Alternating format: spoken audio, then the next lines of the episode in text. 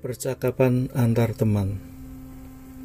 Jakarta pukul 8 lebih 3 menit pagi hari.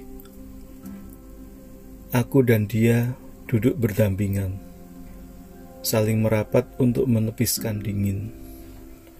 Manusia seperti daun kering katamu Sambil menyesap kopi dan memandangku. Aku sedikit terkesiap mendengar nada keyakinan Daun kering yang gugur dari induknya. Aku sedikit mengiyakan, bergumam. Daun kering yang rapuh dan gersang. Aku tersenyum patuh mencari arah. Daun kering yang terbuang menjelang badai yang dingin.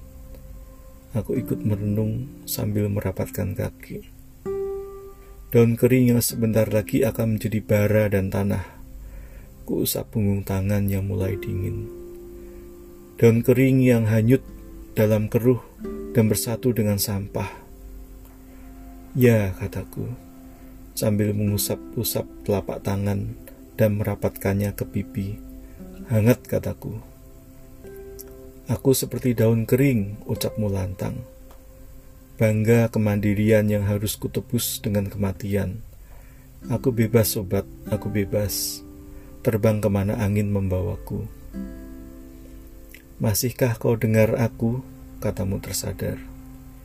Ya, kataku. Mari kita lepaskan topi filosofi kita dan ambil daun-daun kering. Hanya mereka satu-satunya harapan kita, sobat, sebelum kita mati beku di sini. Dan rumput di padang terbahak-bahak, dahan-dahannya berguncang. Jakarta 2003